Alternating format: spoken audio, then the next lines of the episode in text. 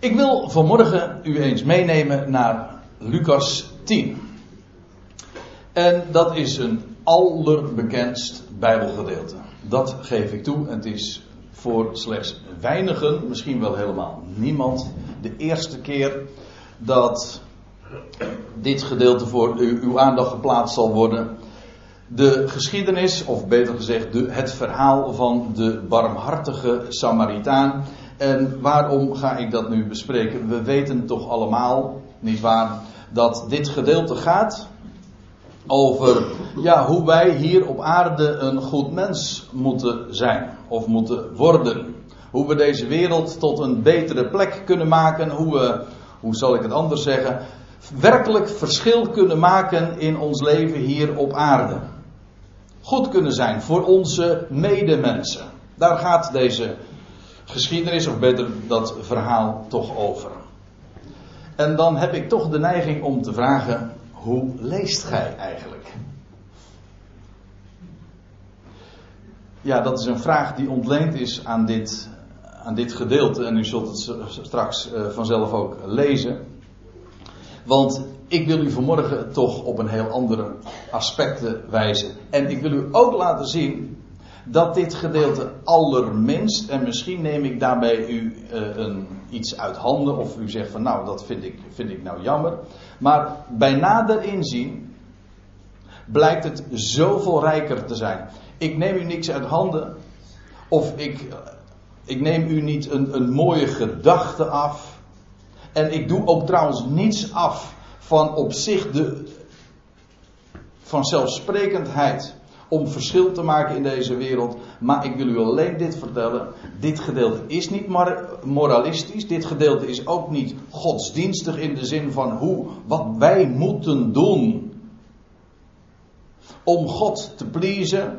Of om deze wereld een betere plaats te maken. Maar onze ogen worden gericht op een ander. Op de naaste. Nou, dat is precies de vraag die in dit gedeelte ook klinkt. Wie is mijn naaste? En ik stel voor dat we dat gedeelte gewoon eerst eens gaan lezen. Ja, we beginnen gewoon bij het begin en dan gaan we gewoon vers voor vers door deze passage heen. En dan zullen we vanzelf wel zien wat we tegenkomen. Er staat in vers 25 van Lucas 10. En zie, een wetgeleerde stond op om hem te verzoeken. Die hem is uiteraard Jezus. Dus het idee daarachter is dat hij niet met een eerlijk motief bij hem kwam. En hij zeide: Meester, wat moet ik doen om het eeuwige leven te beërven? Dan moet u weten dat als een Jood het heeft over het eeuwige leven, dan heeft hij het over het leven van de toekomende eeuw. Van de Olam Haba'a, zeggen de Joden dan. De, de, de Aion die nog moet komen. Maar daarmee zegt hij ook iets. En ik, dit is al een hele belangrijke vraag. En ik, wil, ik heb het expres onderstreept. Omdat deze man daarmee in elk geval. Hij, zijn motieven zijn niet eerlijk. Dat lijkt uit het woord verzoeken. Maar dat neemt niet weg dat hij onderkent. Dat hij het leven, het eeuwige leven, niet heeft. Ja, dat lijkt me een open deur intrappen. Want wie heeft dat wel hier op aarde? We zeggen dat toch regelmatig tegen elkaar. Je hoort het nog wel eens een keer en je hoeft daar helemaal geen gelovige voor te zijn. Dan zeggen we, ja, we hebben hier niet het eeuwige leven. Want stervelingen zijn we. We gaan dood namelijk. En de vraag is dus, wat moet ik doen om of wat moet er gebeuren? Laat ik het gewoon eventjes wat afstandelijk zeggen. Wat moet er gebeuren om wel eeuwig leven te verkrijgen? Hier is het niet. Ik ben een sterveling, ik ga dood. En wat moet ik doen om eeuwig leven? Leven dus dat sterker is dan de dood. Leven dat onvergankelijk is. Te beërven. Dat is de vraag van deze man. En ik, ik, ik onderstreep het omdat het namelijk van belang is om, dit, om het verhaal wat Jezus gaat vertellen te begrijpen. Waarmee identificeert deze man zich? En dat blijkt met als je scherp inzoomt op, het, op wat er nou precies staat, dan blijkt dus dat deze man zich op, de, op het standpunt stelt van, ja, ik ben een sterveling, ik heb, ik heb niet het eeuwige leven, maar wat moet ik doen om dat eeuwige leven, als er al wat te doen valt, wat moet ik doen om dat eeuwige leven te beërven? Nou, en hij, dus Jezus, die zei, die, die zei tot hem, hij zei tot hem, wat staat er in de wet, in de Torah geschreven? Hoe leest gij? Ja, daar heb je die vraag waar ik het net even over had. Hoe leest gij? Dat is wel grappig als je er eventjes op let. Hij zegt niet, wat leest gij? Natuurlijk is dat de strekking, dat blijkt ook uit het antwoord. Maar het neemt niet weg. Hij, Jezus' vraag is, hoe leest gij? En dat, dat denk ik ook heel vaak. Als wij als we de Bijbel openen, ja, hoe lezen we eigenlijk die Bijbel? Lezen we de Bijbel als een, een spoorwijzer van, ja, nou ja, waar ik het zojuist even in de inleiding al in een paar vragen over had, van hoe word ik een beter mens? Of uh, als instructieboek hoe ik in deze wereld uh, mijn weg heb te gaan en hoe ik dus de, welke stappen ik moet zetten hoe lees ik de Bijbel? Namelijk als een boek dat gaat eigenlijk over mij. En dat lijkt een grote hindernis te zijn. Als je zo met zo'n bril, want het is een bril hè, die je dan opzet. Als je de Bijbel vanuit dat oogpunt leest. Ik heb ook vaak wel van dat in Bijbelroosters gezien. Hè, dat altijd de vraag, de eerste vraag is die, uh, als je een bepaalde passage hebt gelezen, de eerste vraag is: uh, wat kan ik hiermee doen? Dat is altijd de eerste vraag. Niet wat, wat staat er nou eigenlijk? Wat vertelt het over wie God is? Nee, wat kan ik ermee doen? Hoe leest gij? Nou, dat is de vraag die Jezus uh, hem stelt. Hij, hij, geeft dus feitelijk geen antwoord. Hij, Jezus krijgt een vraag, hij, antwoordt goed Joods met een wedervraag. En een rabbijn was het die ooit zei, aan, hem werd gevraagd, waarom antwoordt u altijd met een wedervraag? En toen zei die rabbijn, ach, waarom zou ik dat niet doen? En deze vraag, dit antwoord is ook weer zo'n wedervraag. Maar dan krijg je vervolgens die wetgeleerde, die ook goed op de hoogte was, dat blijkt. Want hij zegt, hij antwoordde en zeide, gij zult de Heere uw God liefhebben uit geheel uw hart, met geheel uw ziel en met geheel uw kracht en met geheel uw verstand.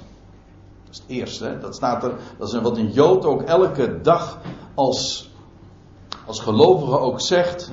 De woorden van het Shema. Hoor Israël, de Heere onze God, de Heere is één.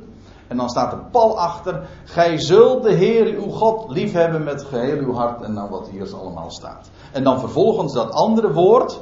En dat is een vers dat weer uit een andere passage is uh, aan een andere passage is ontleend uit Leviticus 19. En het staat er geloof ik nog een keer. Gij zult uw naaste lief hebben als uzelf. En daarvan wordt trouwens in, als je in een andere passage dat leest, in Marcus 12 wordt er gezegd dat is het grote. Nee, het, eerste gebod is dit en het tweede daaraan gelijk is, gij zult uw naaste liefhebben als uzelf. Nou weet ik wel dat het woordje naaste uh, altijd uh, de betekenis heeft gekregen, uh, ja, inmiddels de betekenis heeft gekregen. Ja, wie is dat? Dat zijn gewoon eigenlijk alle mensen. Dat is gewoon, dat zijn je medemensen. Toch? En we hebben zelfs zo'n uitdrukking als de verre naaste. Wat als je er goed over nadenkt, eigenlijk een met een mooi woord heet dat een contradictio in terminus heet.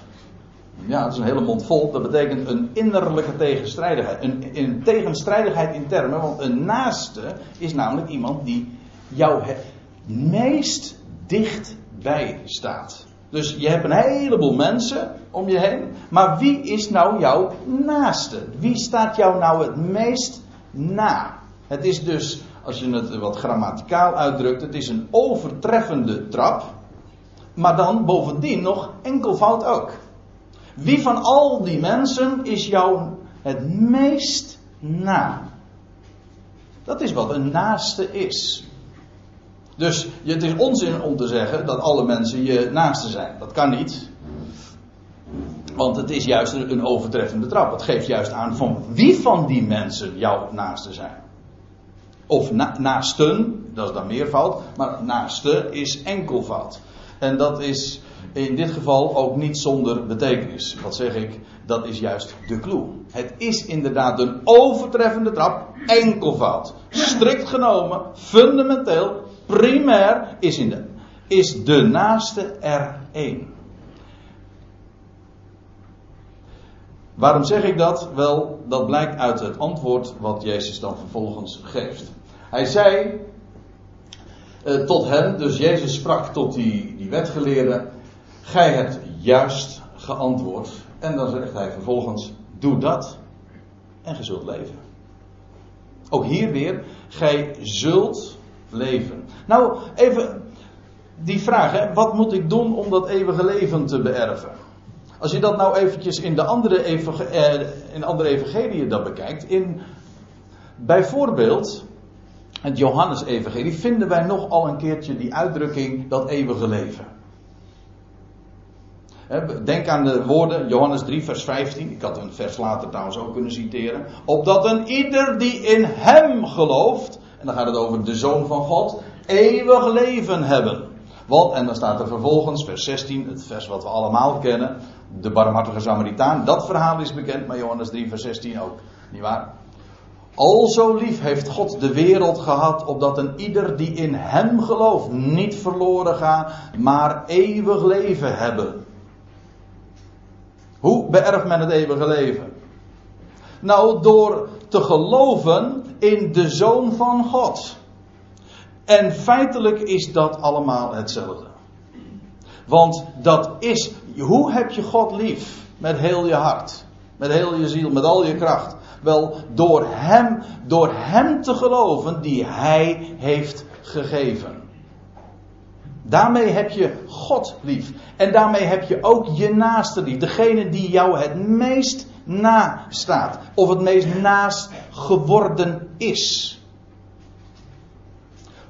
Heb hem lief.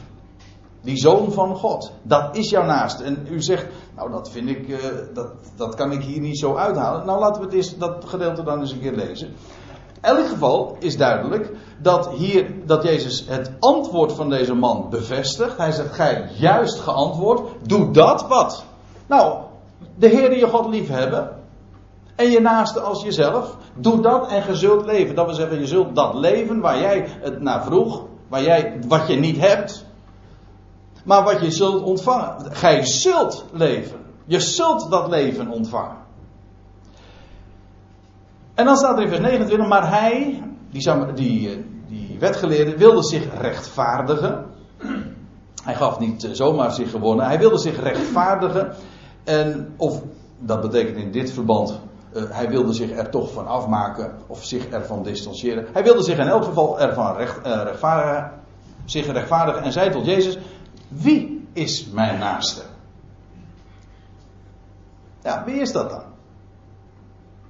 En het is, dit is dan de directe aanleiding tot dat verhaal dat Jezus gaat vertellen en dat zo allerbekendst is, maar bij nader inzien zo vreselijk onbekend is. Laten we dat nou eens gaan lezen.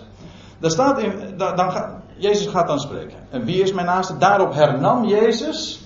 En er zeide, een zekere mens, zijn naam wordt niet genoemd, doet ook helemaal niet ter zake, daalde af van Jeruzalem naar Jericho.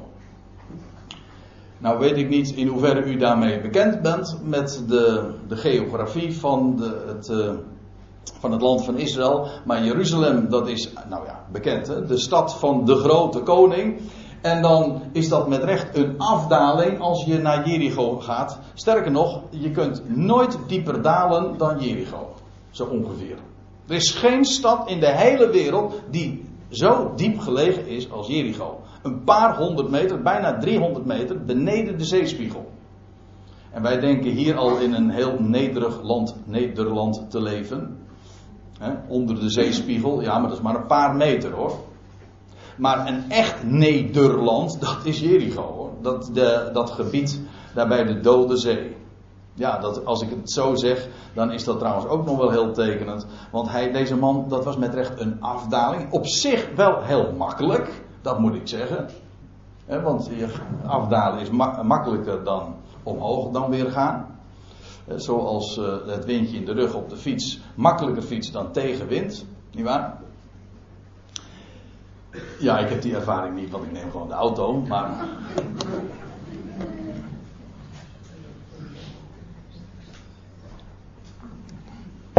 Niet iedereen van u is zo lui. Maar goed, en zeker, hij daalde af. Uh, van een hoge plaats, letterlijk, maar ook figuurlijk. Uh, van Jeruzalem naar Jericho. Dat was die plaats dus nabij de Dode Zee. Die, dat, en die zee heet niet voor niks de Dode Zee. Waarom? Omdat alles wat. Ja, die, die zee is gewoon helemaal dood. Zoals ook, ook dat is een unieke plaats, want er is geen zee in de hele wereld die dood is. Altijd vertoont het wel leven, maar de dode zee is met recht dus dood. Nou, daar ging hij naartoe. En feitelijk, ja, ik zei, het, het, uh, die, die, die zeker de naam van, de, van, dat, van deze mens wordt niet vermeld, want dat doet niet ter zake. Maar eigenlijk is het zo dat het de beschrijving is van elk mens. We zijn allemaal die, eh, in die afdaling. Namelijk op weg naar Jericho. Ja, op weg en afdalen naar Jericho. Naar dat dieptepunt. Op weg naar de dood. Als u begrijpt wat ik bedoel. Maar dat is precies ook waar die man het over had. Ik ben een sterveling. Wat moet ik doen om het leven te krijgen? Nou, die man die was dus. Het was een afdaling van Jeruzalem naar Jericho. Over Jericho valt nog veel meer te vertellen. En wat er met die stad allemaal aan de hand is. Ik wil het even hierbij laten. Het genoeg is om te vermelden: het is een afdaling. Een weg die steeds dieper gaat. En uiteindelijk eindigt in het diepste punt, ja. Nabij de dood.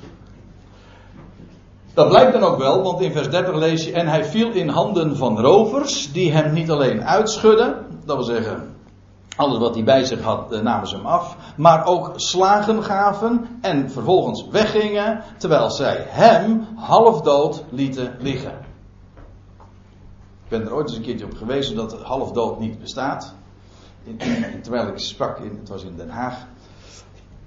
Je kunt niet, je kunt, toen, zei, toen zei ik van, ja, je kunt niet uh, half zwanger zijn of zo. Hè, dat, je, bent, je bent zwanger of je bent niet zwanger. Maar, en, uh, en toen zei iemand, ja, je kunt ook niet half dood zijn. Je bent namelijk dood. Maar, en toen uh, was ik daarop gewezen. En na afloop van de samenkomst, toen kwam die vrouw naar me toe en zei, nou, en toch klopt het niet hoor. Want er staat inderdaad één keer in de Bijbel van iemand die half dood was. Zo staat het ook letterlijk ook in het Grieks. En dat betekent gewoon, hij was uh, op zoals wij dat dan ook zeggen, op sterven na dood. Half dood. En nou, en nou moet je de vraag nog eens een keer stellen. Waar, waar deze wetgeleerde mee begon. Meester, wat moet ik doen om het eeuwige leven te beërven? Of wat Jezus dan vervolgens als antwoord geeft. Doe dat en gij zult leven. Identificeer je nu eventjes met die man die daar half dood aan de kant van de weg lag. Ja, wat moet hij doen? Je ligt daar. Het antwoord is, je kunt helemaal niks doen. Nee, als je daar half dood ligt, dan ben je dus helemaal overgeleverd aan de barmhartigheid van iemand die mogelijk passeert en anders is daar geen hoop. Zelf kun je helemaal niets.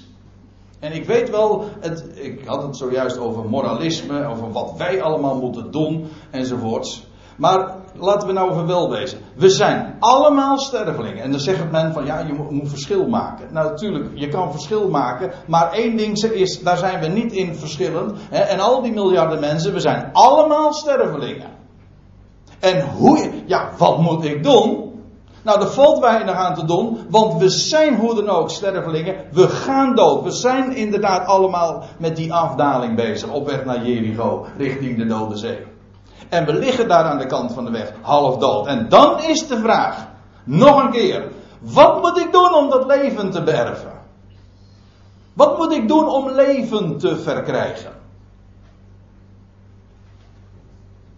Dat is degene waar we ons mee zouden identificeren. In elk geval die wetgeleerde, want die wist en die realiseerde zich: ik heb het leven leven niet, wat moet ik doen om dat te krijgen? Nou, deze man die lag hier half dood. En hij was overgeleverd inderdaad aan een, aan een genadige passant. Ja, en dan ben je er trouwens nog niet. Want ja, wat, uh, wie zegt dat die passant uh, niet hetzelfde zou overkomen? Want dat is een risico. En dat blijkt dan ook wel, want dan lees je in vers 31, bij geval, toevallig staat er eigenlijk. Ja, daar wil ik dan toch eventjes op wijzen. Een paar keer in de Bijbel lees je toch echt van toevallig. Het is hier, en trouwens bij de, de volgende persoon die, uh, die passeert, uh, daar lees je ook van bijgeval. En je leest nog een keertje in de Bijbel van dat woord bijgeval. En dan is het in het Oude Testament. En dat is in de geschiedenis van Rut. Die op het veld van Boas kwam. Toevallig. Bijgeval. Maar bijgeval is het exact hetzelfde als toevallig. Het was niet gepland, maar het ging zo toevallig. Zoals wij dat dan zeggen. En mensen zeggen dan van ja, toeval bestaat niet. Is dat zo? Nou, dat hangt er maar vanaf. het mooiste antwoord daarop is: uh, God doet alles toevallen. Dus inderdaad, dan bestaat toeval wel, maar het is God. dat is dus de vraag: wie doet het je toevallen? En dan kun je, en dan kun je gerust over toeval spreken. Als je maar weet wie, wie het je doet toevallen. En een mens heeft er in elk geval geen invloed op. Bijgeval daalde een priester af langs die weg. Nou, dat, daar moest die uh, priester, uh, of die wetgeleerde, kon zich misschien daar ook nog in, uh, in herkennen. Maar wat lees je dan vervolgens? En deze zag hem, dat wil zeggen, die, die priester die zag die man daar half dood liggen, doch ging aan de overzijde voorbij. Zo van, nou als ik nou maar een boog maak, dan komt die man niet zo heel erg dichtbij.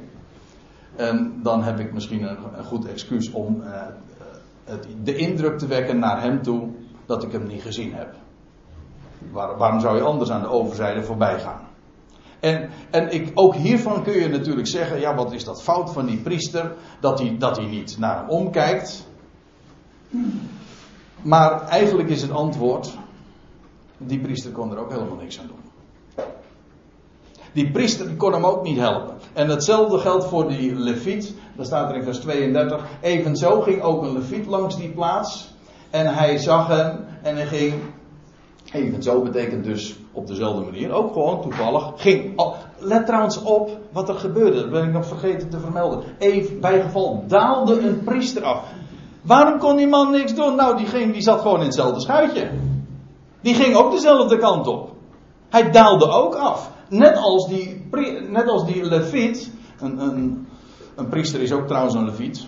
Alleen een leviet is niet altijd een priester. Ja, de priesters, dat was een speciale familie. De familie namelijk van Aaron. Binnen de stam van Levi. Goed, die levieten hadden ook een belangrijke functie in de tempel. En die priesters die deden het allerbelangrijkste werk, het, werk echt, het echte werk in de tempel, de offeranden, de levieten waren meer de assistenten daarvan en regelden nog zoveel meer dingen. Maar allebei hadden een, een, een zeer godsdienstige functie. En je kunt natuurlijk godsdienstig zijn als wat, maar uiteindelijk als je daar half dood aan de kant van de weg ligt, de vraag is, wat heb je eraan? Want hoe dan ook, dood ga je toch. En kan een priester je helpen? Of kan een leviet je helpen? Het antwoord is nee. Het hele idee wat daarachter eh, schuil gaat is dat uiteindelijk godsdienst jou helemaal niet kan helpen. En een priester niet, een leviet niet.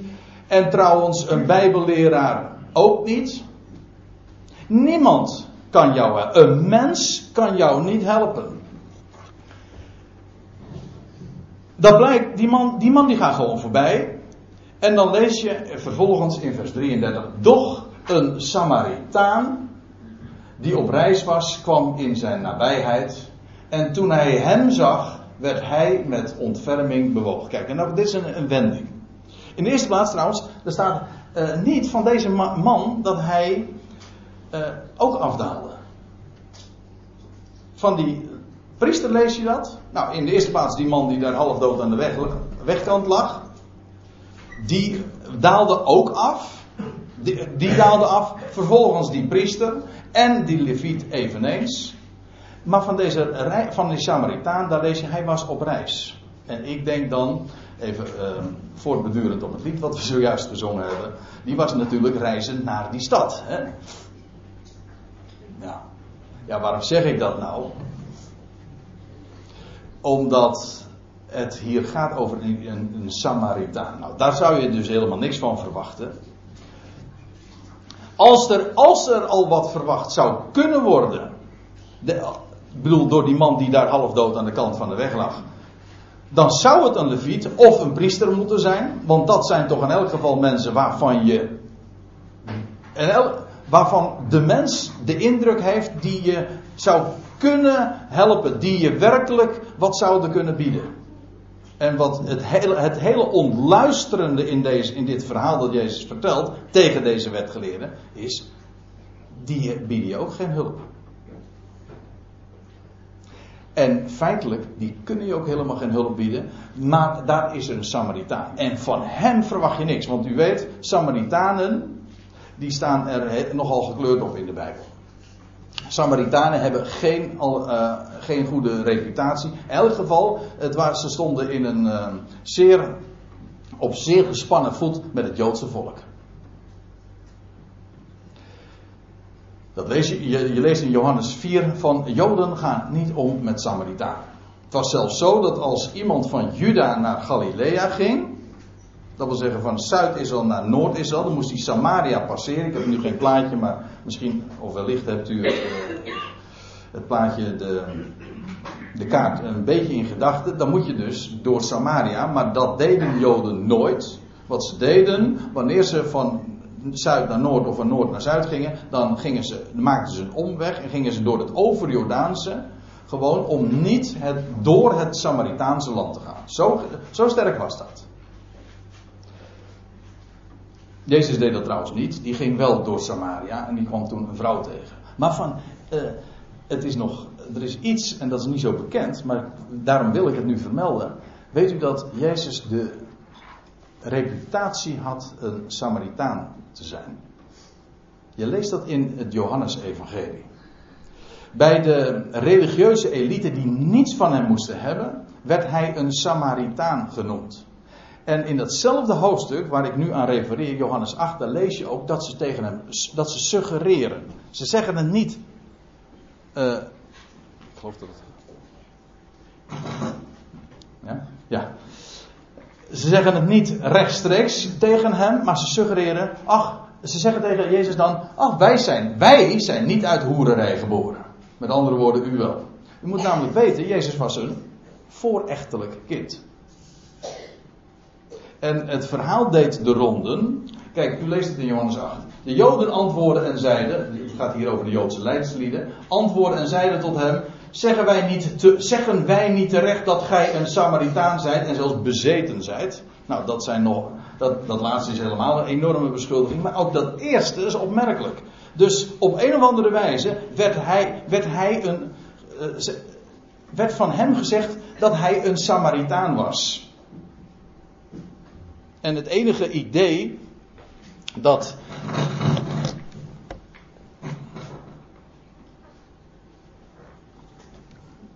het, het, enige idee dat zich daarbij uh, aan je opdringt, is, zeker als je dan de voorgaande vers ook leest, namelijk de beschuldiging van dat hij uit hoererij geboren zou zijn, dat hij een Samaritaanse vader zou hebben. Ik weet, bekend is ook het verhaal dat een Romeinse soldaat hem zou verwekt hebben. Maar onder de Joden was de gedachte dat hij een Samaritaan, of dat wil zeggen onder de kwaadsprekers, de hele in het roddelcircuit was hij een Samaritaan. Wisten zij veel. En als je dat even in gedachten neemt, dan begrijp je ook meteen waarom Jezus tegen deze wetgeleerde over die Samaritaan begint. A. Die Samaritanen, daar verwachten ze niks van. B. Het was Jezus zelf die als een door die eliten waar die wetgeleerden, de vraagsteller toe behoorden, aangemerkt werd als een Samaritaan. En dat is van belang, want wat blijkt, die Samaritaan is inderdaad een uitbeelding van, ja, ik val iedere keer weg. Terwijl ik gewoon blijf staan.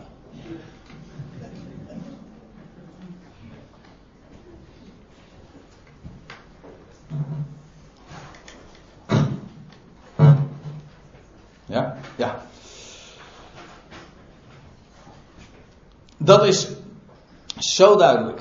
Deze Samaritaan is inderdaad niemand minder. Een type, een uitbeelding van de Heer Jezus Christus. Doch een Samaritaan die op reis was, kwam in zijn nabijheid. Dat was er in de nabijheid van die man die daar ligt de dood te gaan.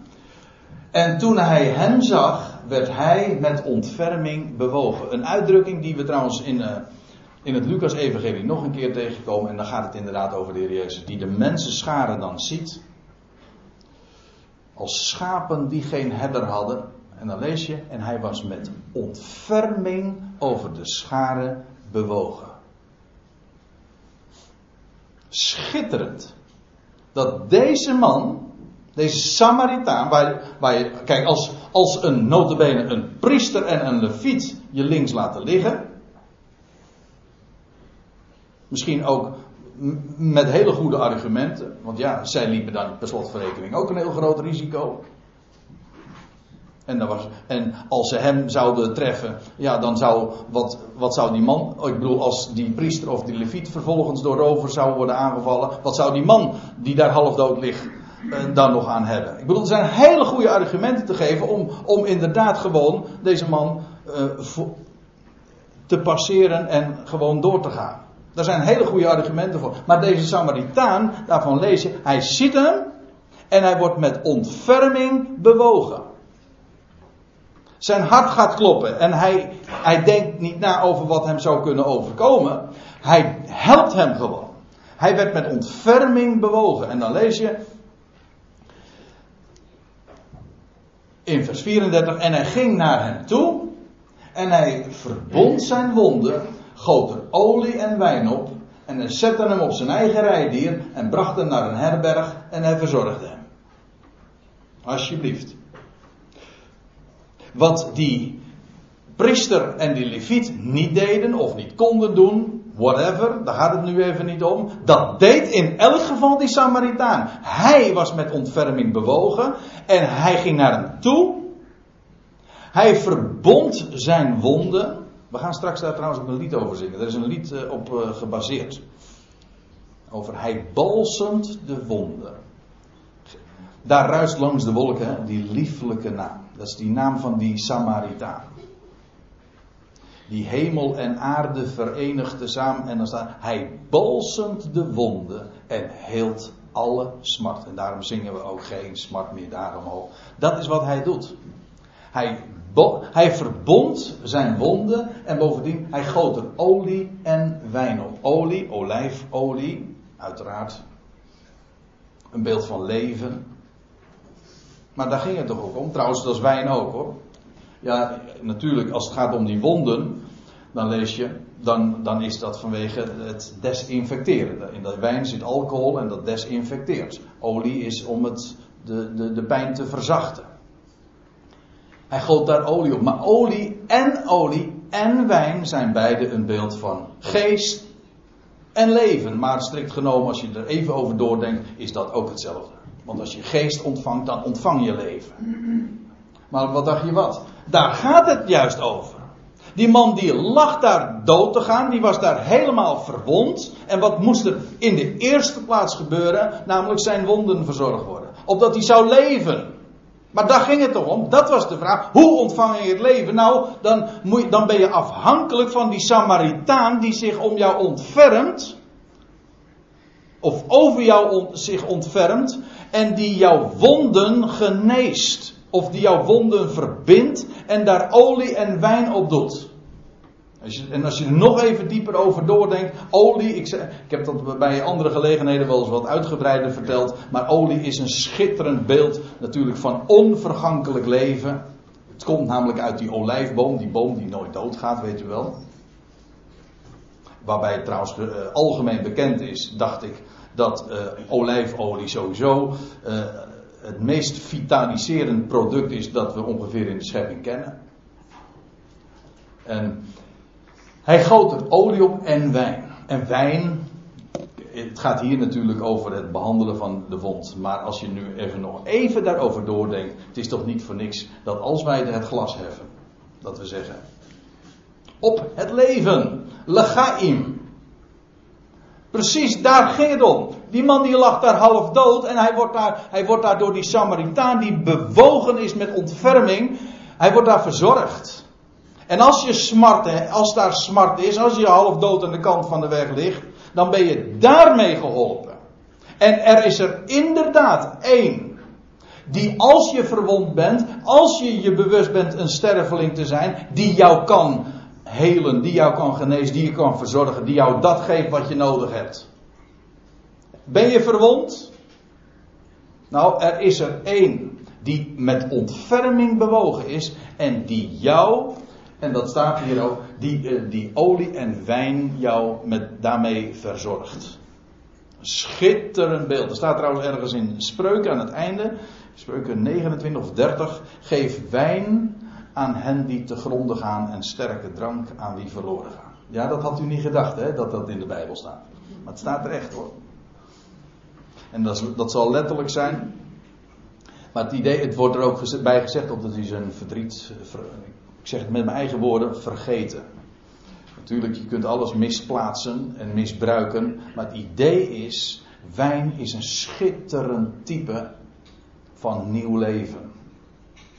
Komt uit de kelder, het komt uit van onder de aarde. Ja, maar het is geestrijk vocht. En het is een beeld van vreugde. Het is een beeld gewoon van het geopende graf. Daarom heb ik uh, zowel die, die olie en die wijn uitgebeeld, maar ook dat geopende graf. Want daar spreekt het van. Zowel die olie als die wijn. En dat is waar een sterveling die half dood aan de kant van de weg ligt, mee geholpen is. Namelijk om leven, om in leven te blijven. Om eeuwig leven te ontvangen. En dan staat er, hij goot er olie en wijn op. En hij zette hem op zijn eigen rijdier. Is me niet vergist, staat er in de Statenvertalingen. Hij verhief hem op zijn rijdier. Dat zal wel een ezel geweest zijn. Dan, ging moest hij er zelf nog naast lopen. Maar hij, hij verhief hem. Hij leed hem zitten op zijn, op zijn eigen rijdier. En vervolgens hij bracht hem naar een herberg en hij verzorgde hem. Wat een zorg, deze man. En ja, die herberg, hij bracht, hij bracht hem naar een huis. Maar ja, het is een, een prachtig plaatje eigenlijk ook van, van de tegenwoordige tijd. Nou, laat ik, voordat ik daar nog wat over zeg, laat ik even, even nog een vers doorlezen. Want er staat er, en want dan zal ik het ook nog even demonstreren. Want wat lees je? Er zitten zoveel diepten in zo'n verhaal die Jezus verteld heeft. Verborgenheden. Inderdaad, dat ligt niet aan de oppervlakte, maar op het moment dat je dit leest. Hoe leest gij? En schrift met schrift vergelijkt. En je de vraag stelt: wie is mijn naaste? Hoe ontvang ik eeuwig leven? Dan krijg je antwoord. Luid en duidelijk. Inderdaad, heel anders dan wat, als ik het even zo mag zeggen, de levieten en de priesters van deze wereld altijd vertellen. Die weten je precies te vertellen wat jij allemaal moet doen. Hè, om een beter mens te worden. Maar kunnen ze verschillen maken? De vraag is, wat, moet, wat heb je eraan als je half dood aan de kant van de weg ligt en je krijgt te horen wat je allemaal moet doen? Weet je waar je mee geholpen bent? Dat is met iemand die jouw barmhartigheid bewijst. Ik, ik zal je, het zal je trouwens ook gedacht zijn als je barmhartigheid ontvangen hebt en verzorgd bent door die barmhartige Samaritaan, wat er vervolgens gaat gebeuren. Wat je nog kunt betekenen. Dan kun je altijd zeggen, ik, ik, ken, een, ik ken een Samaritaan. Daar moet je wezen. Nou goed, laat ik eventjes eh, verder lezen. Vers 35. En de volgende dag stelde hij uh, de waard van die herberg dus twee schellingen ter hand. En hij zeide, verzorg hem.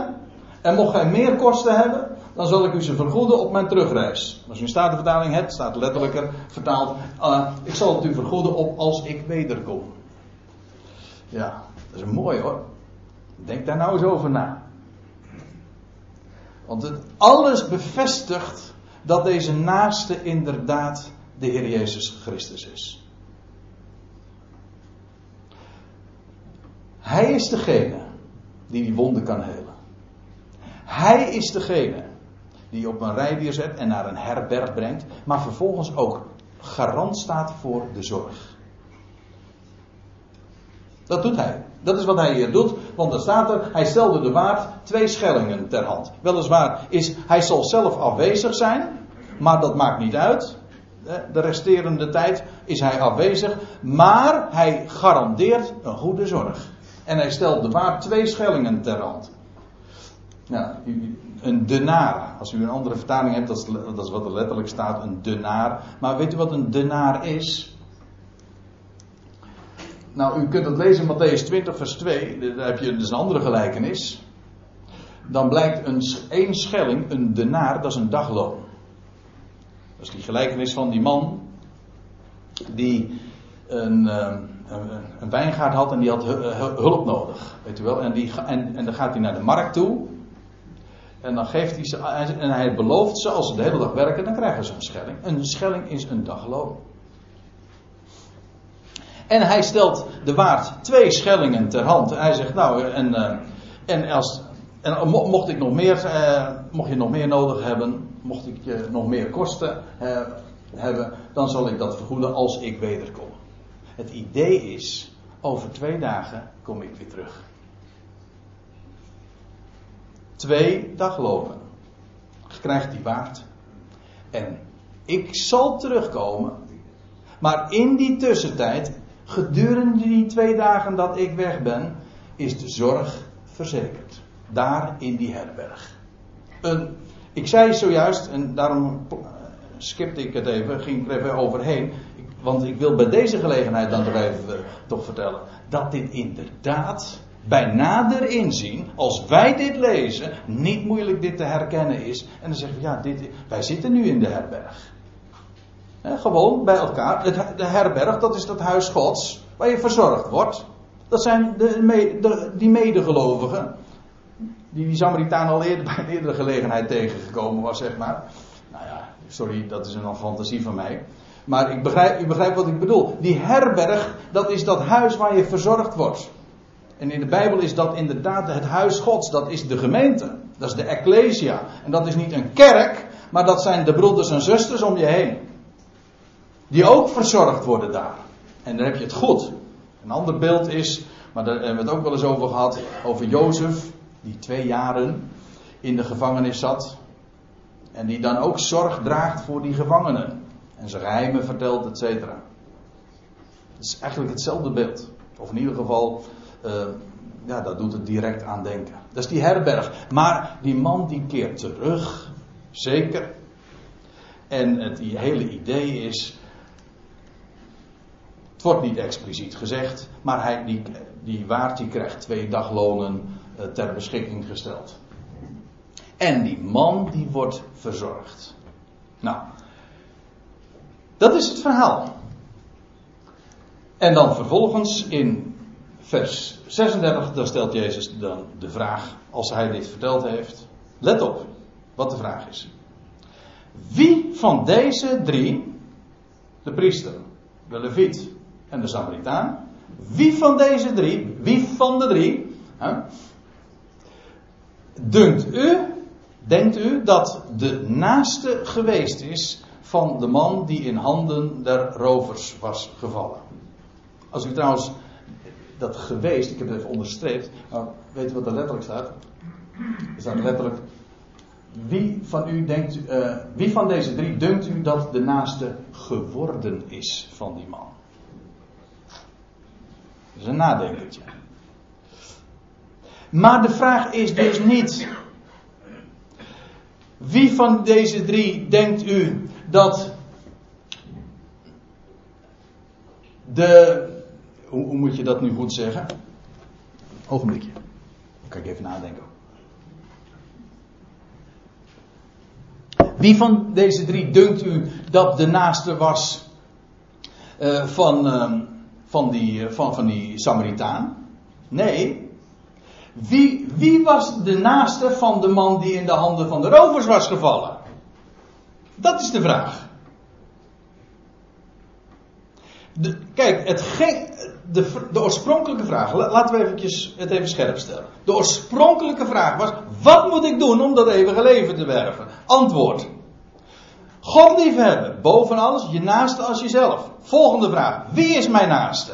Nou, het antwoord is: dat is hier, wordt hier gegeven. Wie van deze drie denkt u dat de naaste geworden is van de man die in de handen van de rovers was gevallen? Waarmee je dus ziet met wie je waarmee die wetgeleerde, de vraagsteller, geïdentificeerd wordt. Namelijk als degene, als die man die in de handen van de rovers was gevallen, die half dood was, die stervende was, die dus geen eeuwig leven had. Dat is het idee. Wie van, de, wie van die drie is de naaste van, van, van die man? En dan is het antwoord, en dan zeiden, dat was niet zo moeilijk, die een barmhartigheid bewezen heeft. Hij wilde niet eens zeggen die Samaritaan. Dat kreeg hij kennelijk niet uit zijn strot. Maar het was duidelijk. Die hem barmhartigheid bewezen. Dat was de naaste. Niet, je naaste is niet degene die jij barmhartigheid moet bewijzen. Ik moet dat doen. Nee, wij zijn, die, wij zijn allemaal, en dat was die wetgeleerde ook. Dat bleek al uit de oorspronkelijke vraag, maar vervolgens blijkt het ook in het antwoord dat Jezus geeft en het verhaal dat hij vertelt. Jij bent die man die daar aan de kant van de weg ligt, half dood. En dan kun je wel heel erg parmantig vragen, wat moet ik doen? Nou, het antwoord is, je kunt helemaal niks doen. En je bent helemaal overgeleverd aan iemand die jouw barmhartigheid bewijst. Want doodgaan doe je. En van een leviet en van een priesters, van een, van een priester, moet je het niet hebben. Van, gods, van godsdienst of van filosofie, vul maar wat in. Of van een maatschappelijk werker. Nee, ik zeg dat helemaal niet met rancune naar welke beroepsgroep dan ook. Ik wil alleen maar dit zeggen. Die kunnen jou het leven niet geven. Stervelingen zijn. Er is er maar één die jouw leven kan geven. En daarmee is eigenlijk ook gezegd. Waar het in de hele Bijbel over gaat. Kijk, het antwoord. Ik, ik, in feite had ik het in het begin al gezegd. Het is niet moeilijk als je de vraag stelt: wat moet een mens doen om het eeuwige leven te ontvangen? Ja, geloven in Hem die dat leven aan het licht gebracht heeft. Dat is nogal simpel. Die opstond uit de doden, die sterker is dan de dood. Hij kan jouw leven geven, nergens anders. En Hij garandeert jou dat je verzorgd wordt. Dat is precies ook waar ik, de, ja, waar ik, waar ik in deze studies en deze bijeenkomsten uh, op wijs. En dat, dat, is de boodschap die we kennen. Het evangelie is niet de boodschap wat wij allemaal moeten presteren. Of om deze wereld tot een betere plaats te maken. Of om een goed mens te worden. Dat is allemaal heel erg leuk en heel erg aardig. Maar het is vaak A, open deur intrappen. Want we weten echt wel wat we moeten doen. Alleen het punt is, het ontbreekt ons aan de kracht. Het vermogen. Nee, het punt is, onderken nou eens een keer de positie waarin je bent. Je bent half dood, je bent een sterveling. En je hebt genade nodig. En de Bijbelse boodschap is, er is genade, er is iemand. Nou, inderdaad, het is een verachte. Een Samaritaan, van wie je het niet zou verwachten. Maar hij bewijst jouw barmhartigheid. Hij is werkelijk om jou bekommerd. Hij zorgt voor je. Ja, ook inderdaad de resterende tijd, als hij afwezig is, want dat is in wezen de huidige tijd. Hij is afwezig, maar ook dan staat hij garant voor de zorg.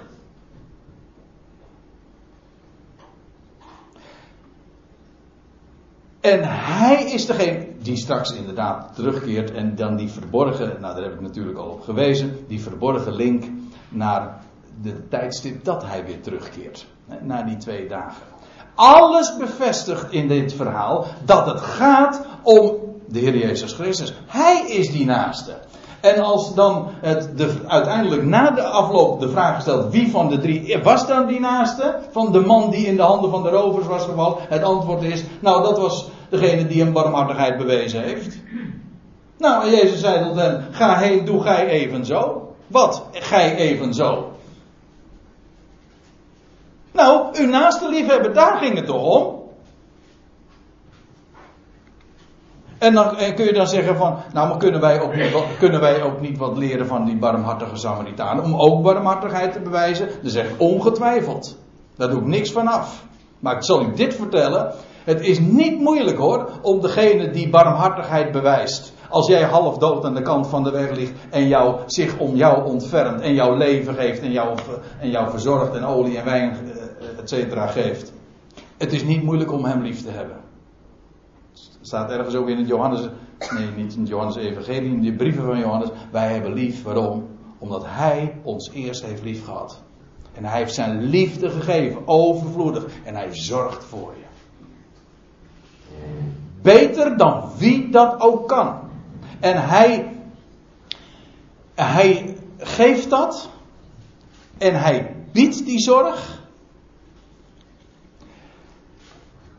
En hem, staat hier, hier ook, hem zouden we lief hebben.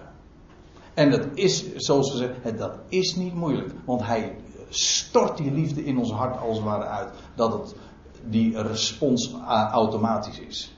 Het kan niet missen om zo iemand die jou genade en barmhartigheid bewijst, lief te hebben. En inderdaad, dan leer je verstaan wat liefde en barmhartigheid is. En dan leer je ook verstaan om vervolgens weer barmhartigheid te bewijzen. Maar hier, in dit gedeelte, en dat is wat ik vanmorgen uh, heb willen vertellen, is, gaat het niet om hoe wij een goed mens worden, maar hoe wij als sterveling leven krijgen. En dan ben je helemaal overgeleverd aan de barmhartigheid van die Samaritaan. En dat is onze naaste. Laat ik het anders zeggen, dat is onze naaste geworden. Hij is ons na gaan staan. Zo dichtbij gekomen. En hij is degene die, ze, die dat, die de, die zich over je ontfermt. Hij is degene die je verzorgt. Hij is degene die je in leven houdt en leven geeft. En vervolgens ook alles geeft wat je nodig hebt. En jou verzorgt en daar garant voor staat. Dat is onze naaste. Ga heen, doe ga even zo dat we zeggen: heb je naaste inderdaad lief? En ik heb met opzet uiteraard die naaste met een hoofdletter geschreven. Want de naaste, dat is hij. Degene die ons barmhartigheid bewezen heeft.